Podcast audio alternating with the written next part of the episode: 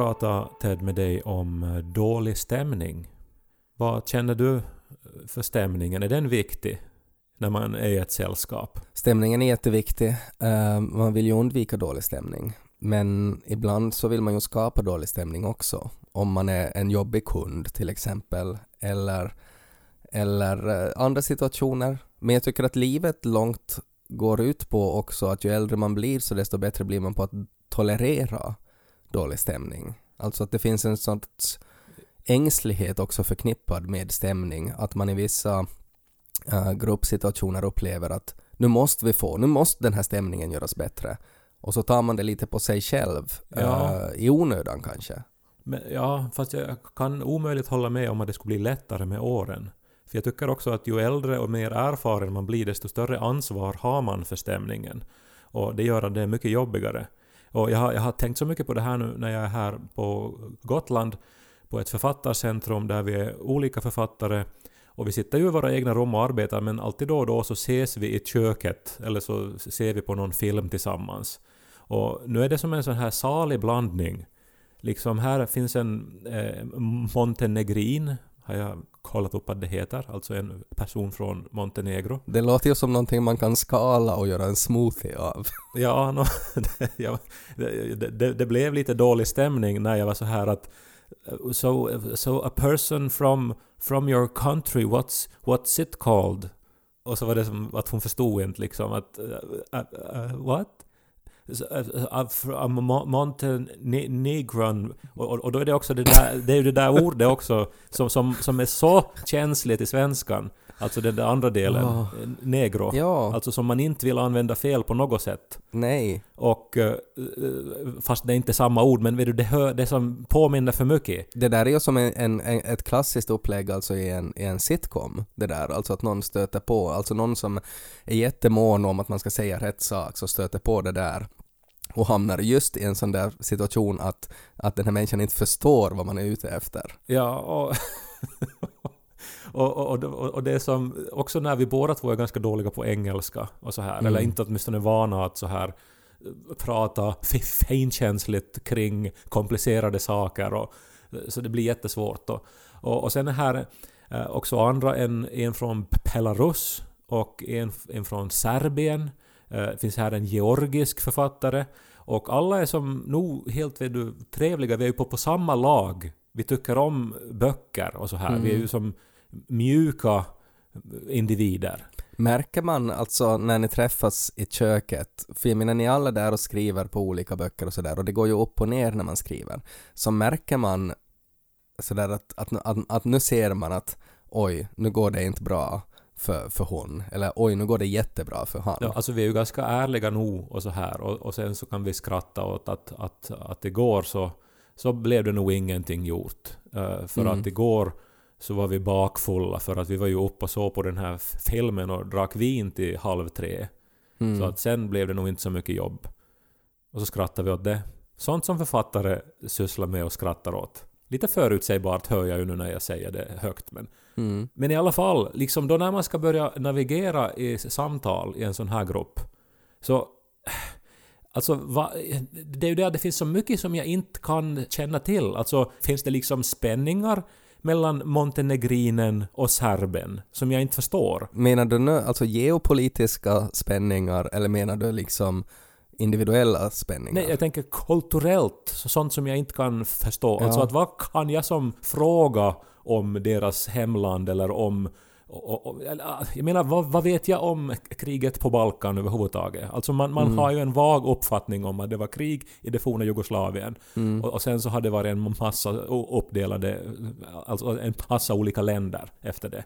Ja. Och, och sen också, det är ju så mycket om kriget i Ukraina. Men hur ska man prata om det eh, Eh, med en georgier eller med en från Belarus? Jag menar Belarus som stat är ju typ nästan med i kriget på Rysslands sida. Eller i princip är de ju det. Samtidigt som ju författarna i Belarus är förtryckta av den här Lukasjenko och liksom hans regim. Men hur, alltså hur ska man som tackla det här? Det finns som oändliga fallgropar och risker för dålig stämning. Ja, men då pratar man väl istället om det fina vädret i Visby och vad gott vin man dricker. Ja, no, det blir ju till det. Men det känns ju som dumt i längden också. Niko är ju alltså riktigt livrädd för dålig stämning. Alltså, det är kanske det värsta han vet. Alltså, när vi ser på film Mm. så är det någonting riktigt skrämmande, så då går han inte ut. Men om det blir dålig stämning, så då går han ut. För han kan inte se det. Att det är som det mest skrämmande han vet. Ja, men det är, det är ju väldigt många människor som är så. Alltså, jag, jag kopplar det emot, alltså menar du när, när du säger dålig stämning, så menar du då att det blir så här cringe? Ja, jag tänker som The Office, eller jag tänker som White Lotus, att liksom människor helt uppenbart beter sig eh, svinaktigt eller omedvetet eller gör bort. Ja, och det, fin- det finns ju många som har det personlighetsdraget att man har jättesvårt att liksom klara av det där. Och det är ju, det är ju intressant för att det är ju, det är ju på ett sätt liksom evolutionärt det där att, att varför har vi människor på något sätt den där förmågan att veta att, att liksom när någonting är cringe och det har ju då att göra med så här gruppsammanhörighet och sådär att om någon beter sig jättekonstigt så då blir det inte bra för gruppen och då, då, då kan det vara jättestarkt då för personer som Niko att man är så, nej men man måste gå bort härifrån så att det inte smittar typ. Ja, men att han får alltså ångest och han blir liksom illa berörd och han mår fysiskt dåligt när David Brent i The Office Mm. då, en urgammal referens, men ändå en serie som håller måttet. Ja, Och nu pratar jag alltså om den brittiska versionen här med Ricky Gervais. Så mm, jag kom liksom, eh, alltså jag menar jag mår ju också dåligt men jag är ändå som småler eller, eller skrattar.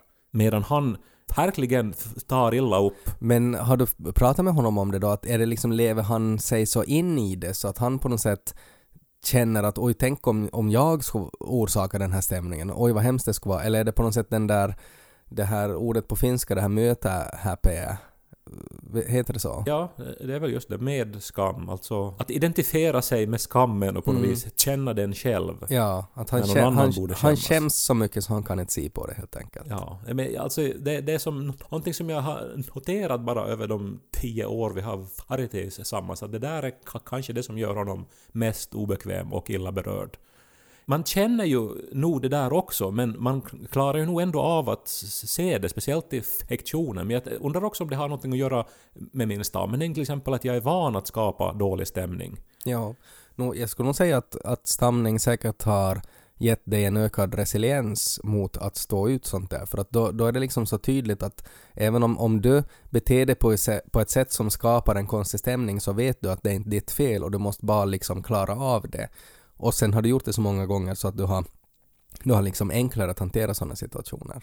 Men har Niko, Ja, har, har han liksom varit i, i för lite sådana situationer då i sin ungdom? Eller kan det vara åt andra hållet att har han orsakat sådana där situationer? Att har han varit den som har, har inte vet hur man ska bete sig och orsaka skam hos andra och sen har det blivit känsligt på grund av det? Det är ju någon sån här idiosynkrasi, alltså någon sorts personlig hang-up eller quirk som han har. Alltså som säkert partner i någonting med att vara det äldsta barnet eller, att, eller någonting sån här komplex där.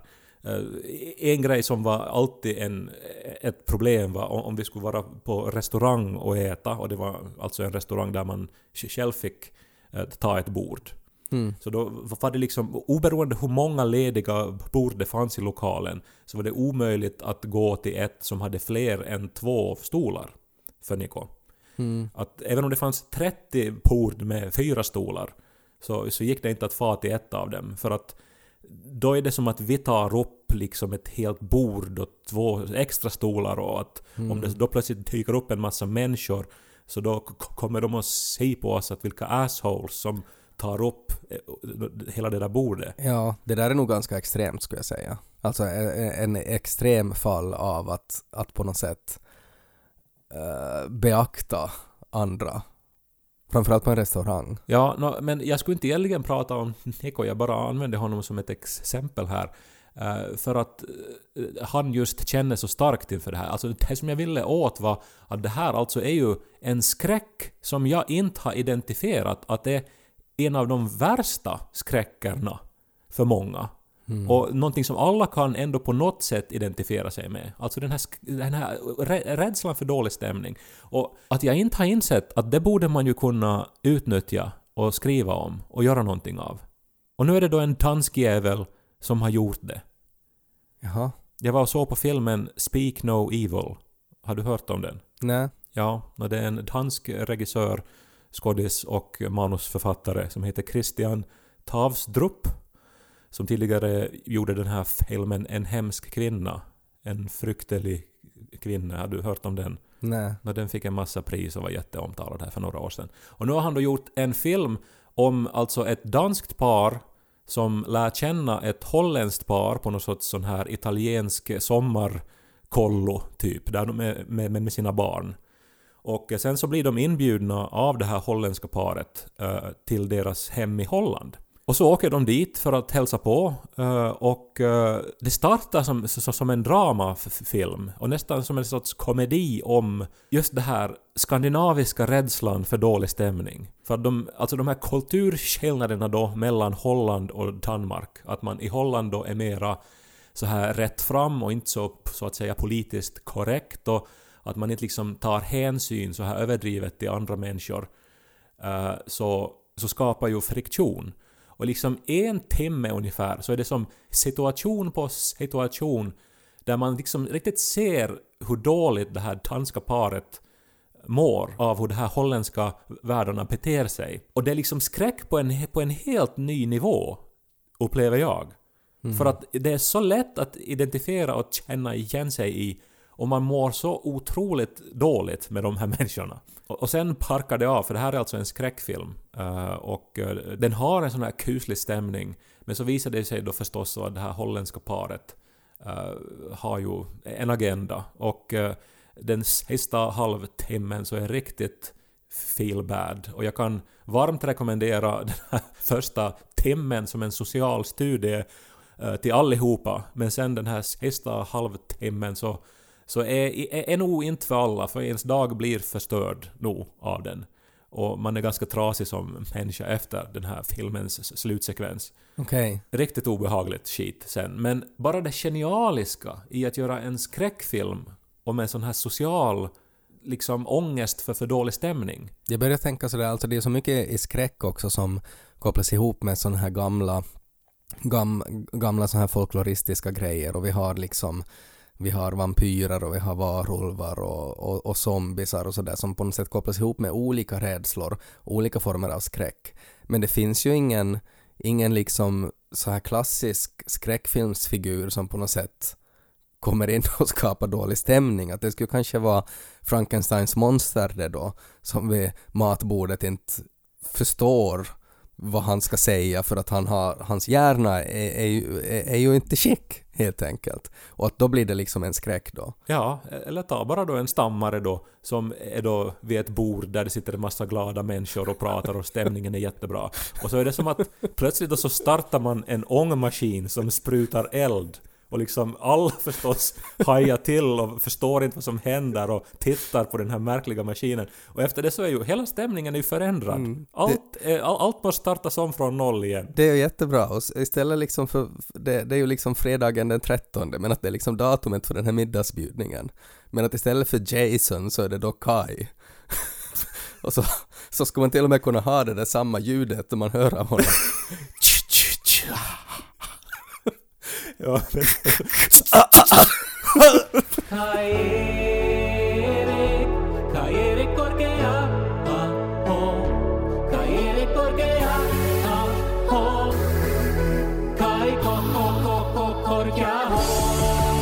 Frågan, om man då drar det till sin spets, så är ju då att skulle du hellre dö än att eh, skapa dålig stämning eller eventuellt såra någon i misstag? Ja, men det, jag tror det var det där som jag var lite ute efter uh, i början när jag pratade om att det kanske blir lite bättre, eller att jag upplever att det blir bättre med åren för att jag tror ju att, att när man är mer så här i de här, vad heter det, de här formativa ungdomsåren där det är viktigare med hur man passar in i grupper. Så då tror jag att, att man skulle kunna vara på ett, ett cocktailparty och så säger man en så dum kommentar så att man begår seppuku där, liksom för att det är det enda man kan göra. För så, så känns det ju.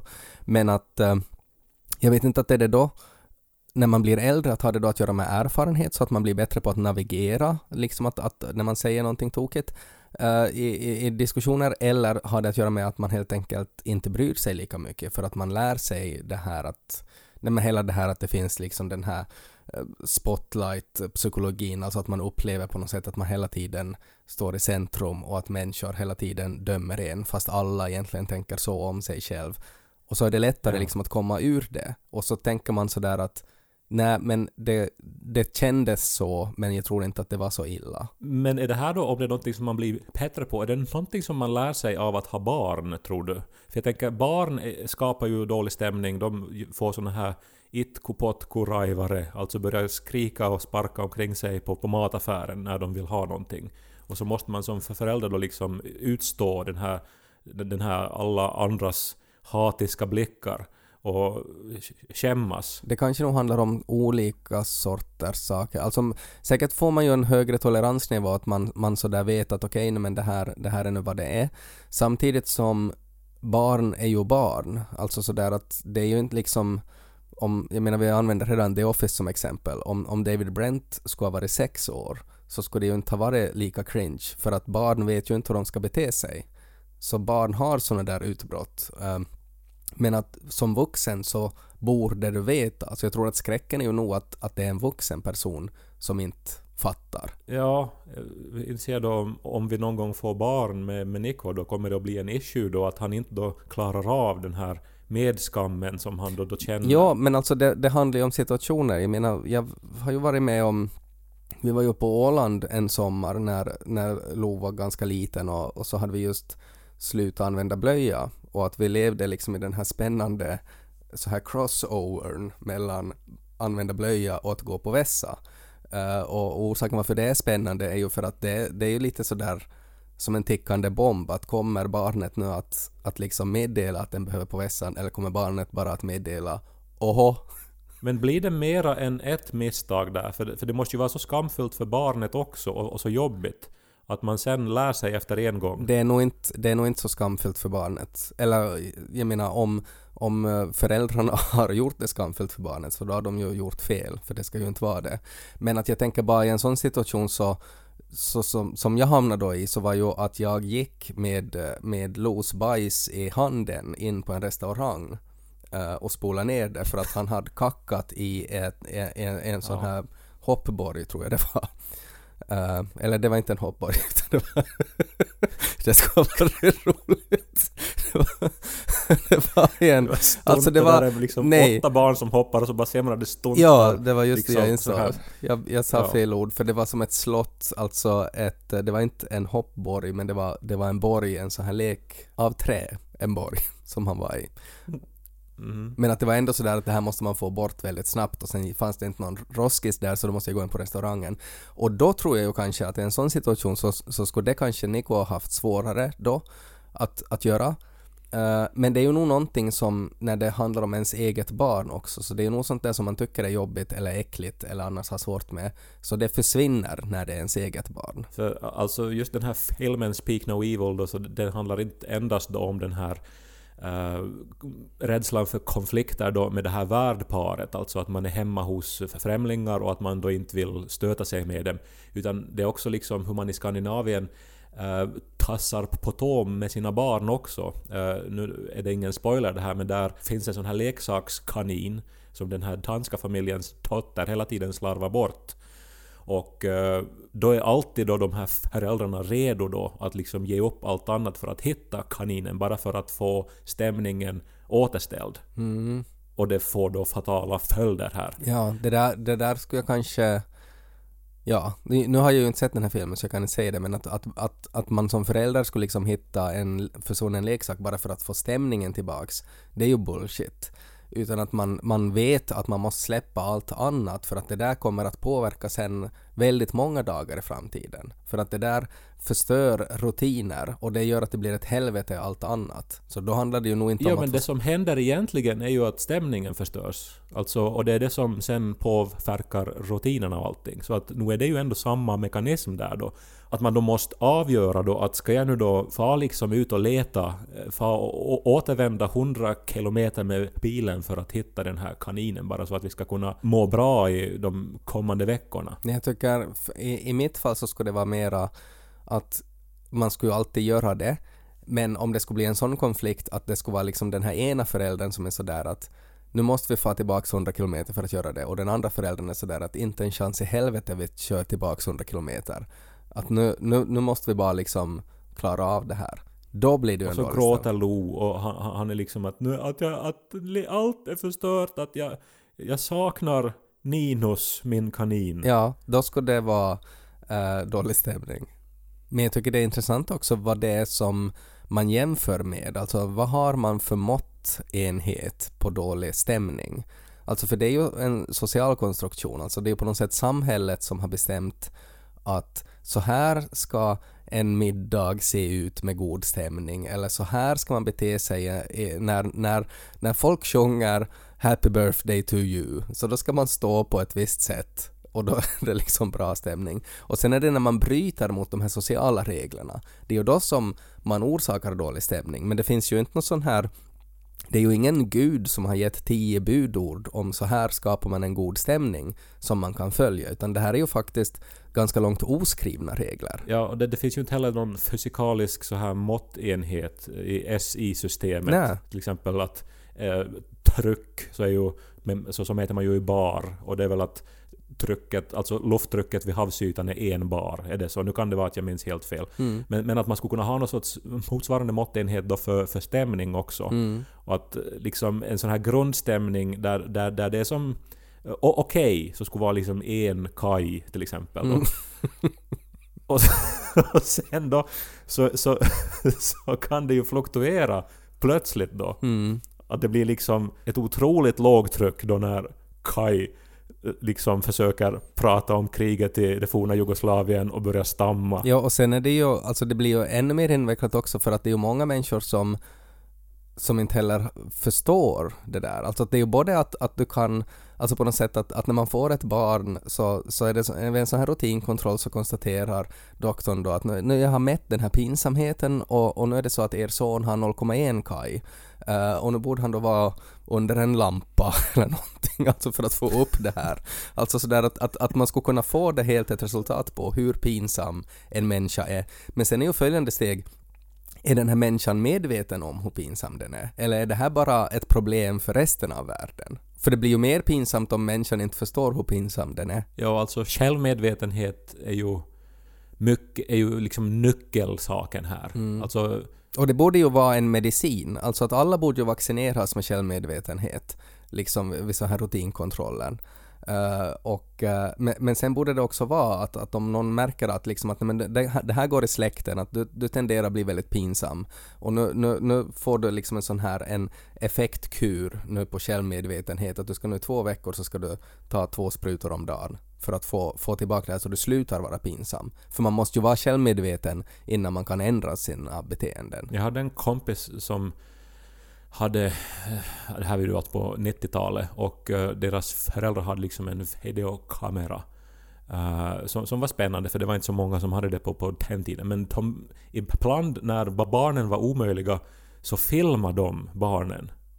Mm. Eh, och, och liksom när de var omöjliga. Och sen då så, så liksom fick barnen då när de hade lugnat ner sig då i värsta fall då se på sig själva när de var omöjliga. Mm. Och det är ju då på något vis att injicera med självmedvetenhet, men det är ju också tortyr. Ja, jag tänkte just sätt. säga att det där är kanske inte riktigt... Det är, det är ganska ett, ett spännande val som förälder att hantera en sån situation. Men jag kan nog helt förstå att man, när, när, allt, när man har gått igenom allt annat, så till sist så skulle man bara filma det. Eh, men, eh, men det är ett spännande val nog. Hur fucked up blev de där barnen av det där sen då? Nej, nog är de väl helt, helt vanliga. 1,2 kaj kanske.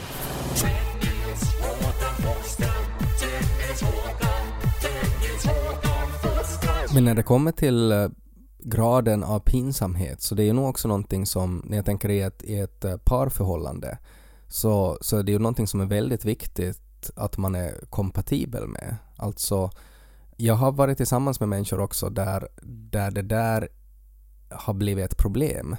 Alltså att, att när man tänker tillbaks på en situation där, där man är tillsammans med en människa som av olika anledningar skapar dålig filis. Och sen kanske det beror på då jag menar, det kan ju hända att, den, att, att man märker att den här människan inte inser nu att nu, nu är det den som skapar den här dåliga filisen och då är det jättejobbigt att vara i samma grupp och på något sätt uppleva liksom att oj, uh, nu, nu är det liksom min partner som gör det här.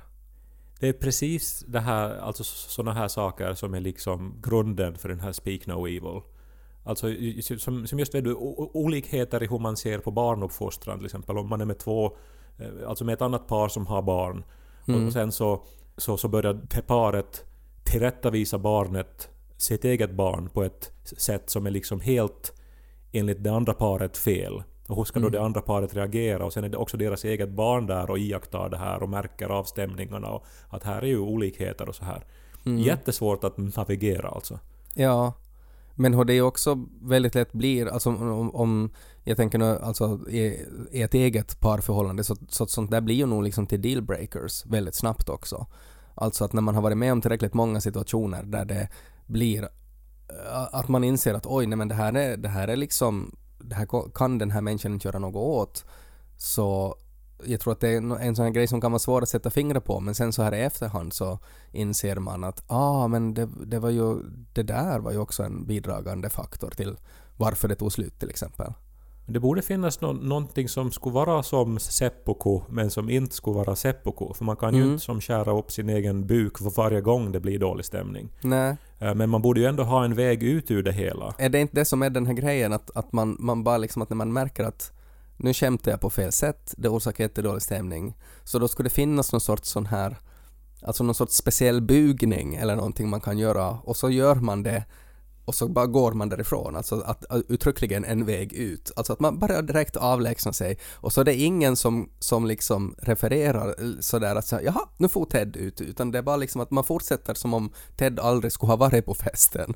Att det är liksom det mest propra man kan göra. Ja, eller, ja, eller nu spelar jag ju inte då, men att alltså jag tänker att man skulle som kunna på något sätt liksom dö och sen skulle, skulle de andra som får väcka upp en eller hila en då på något sätt och så, så, så skulle man kunna fortsätta som, att, som, som från en ny kula liksom. Mm. För att jag menar, det här kan ju drabba allihopa. Alla vet ju att man kan göra ett övertramp. Mm. Och för mm. att liksom rädda stämningen då så måste man liksom Nåja, nu pratar vi om seppuku igen här förstås. Men om, om man skulle ändra det då? Om, om vi ändrar det från självmord till mord, utan att, att folk skulle få på något sätt göra som en Julius Caesar och så får man så här sticka osynliga dolkar i ryggen på den som begick det där. Och så, så sticker man då liksom hundra gånger och sen till sist så, så får den ligga i ett mörkt rum en stund och vara död. Och sen fortsätter festen och så efter en stund så får den komma tillbaks och då, då refererar man inte till det, att vi just mördade dig för det du sa, utan att, att det är som att, att nu är du med för första gången drömmen i sociala situationer är ju att man ska kunna spara och alltså att man ska kunna savea och loada Alltså där att nu savear jag här när det är riktigt bra stämning. Sen ska jag prova en grej och se vad som händer. Och om det sket sig så då loadar jag liksom och får tillbaks till före jag sa det. Jag älskar den här idén. Alltså att, att kunna bevara det här lyckade, för, för det är ju något av det bästa när man sen lyckas socialt, mm. när, när man skapar bra stämning, eller när det är jättebra stämning om man är med i den. Mm. Uh, jag menar det är ju som en, en eufori som man gärna skulle vilja återvända till hela tiden. Det är ju kanske en av livets bästa känslor. Att ha kul tillsammans, så här otvunget. Men att också den här att få utlopp, jag menar att om man alltid kan spara vid en viss situation så ska man ju också få utlopp för alla sådana där invasiva tankar som man kan ha. Att om man är på Nobelmiddagen och det är lite tråkigt och så börjar man tänka, skulle det inte vara roligt om man skulle fara och, och liksom dra byxorna av kungen? Så då kan man liksom spara det först och sen kan man få göra det dra byxorna av kungen, bli utslängd och så laddar man det strax före man gjorde det. Ja, vad om ens handlingar inte skulle ha konsekvenser? Det är, mm. ju, det är väl det det börjar handla om. Det blir till Groundhog Day då. Det var ju en dansk författare som vann Nordiska rådets litteraturpris, som jag ju var nominerad till för några veckor sedan. Ja, ja du, du, du ville inte alls prata om det i förra podden, men jag tänker att Det var medvetet att du inte ville prata om det. Jag var väl för bakfull efter festen med Sanna Marin efteråt så att eh, jag bara orkar inte prata om det. Ja. Men jag vann ju alltså inte priset. Hon som vann då eh, hette alltså Solveig, hon var från Danmark. Och hon hade då skrivit en sjudelad roman som är alltså samma dag som upprepas om och om igen. Mhm. Eh, Alltså en sorts Groundhog Day. Mm. Och hon hållit på i 20 år och skrivit om den här ena dagen. Vad handlade det om? Var det just någonting pinsamt då? Alltså sådär att, att det tog 20 år för henne och sju romaner för att komma över det pinsamma hon hade varit med om. Men det är ju det här som är att älta också, sådana här traumatiska upplevelser. Om, om jag bara inte skulle, eller om jag bara skulle ha. Att man får ju fel i huvudet av de där tankarna. Eller så får man Nordiska rådets litteraturpris.